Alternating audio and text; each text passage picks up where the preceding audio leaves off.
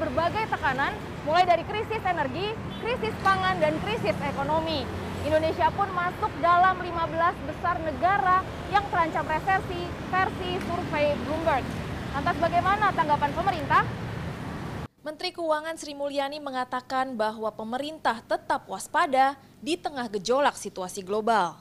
Nah, kita tetap waspada.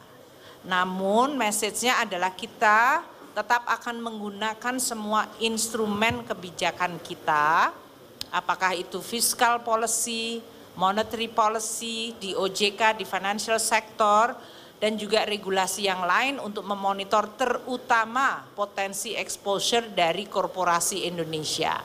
Resesi ekonomi terjadi saat suatu negara mengalami penurunan angka produk domestik bruto PDB selama lebih dari dua kuartal dalam setahun, yang disebabkan merosotnya aktivitas ekonomi dan industri yang kemudian mengakibatkan banyak pengangguran.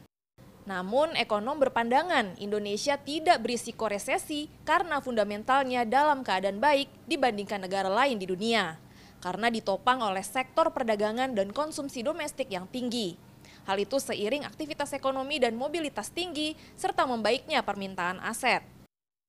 We don't really see Indonesia slowing, um, you know, facing any recession risks uh, because there are clear strengths in the economy, and I think the broader mix of growth, which is more domestic driven, uh, really gives uh, Indonesia a, a, firm standing. Um, so we don't really see very high risk of. Uh, uh, so the kind of growth mix that we see is that we expect. Uh, personal consumption to be quite strong because also this year, as you've seen, subsidies have been extended.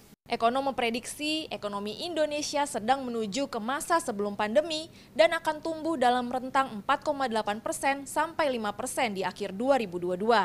Bahkan tekanan rupiah terhadap dolar Amerika masih dalam rentang 14.800 sampai 15.100 rupiah per dolar Amerika hingga akhir 2022.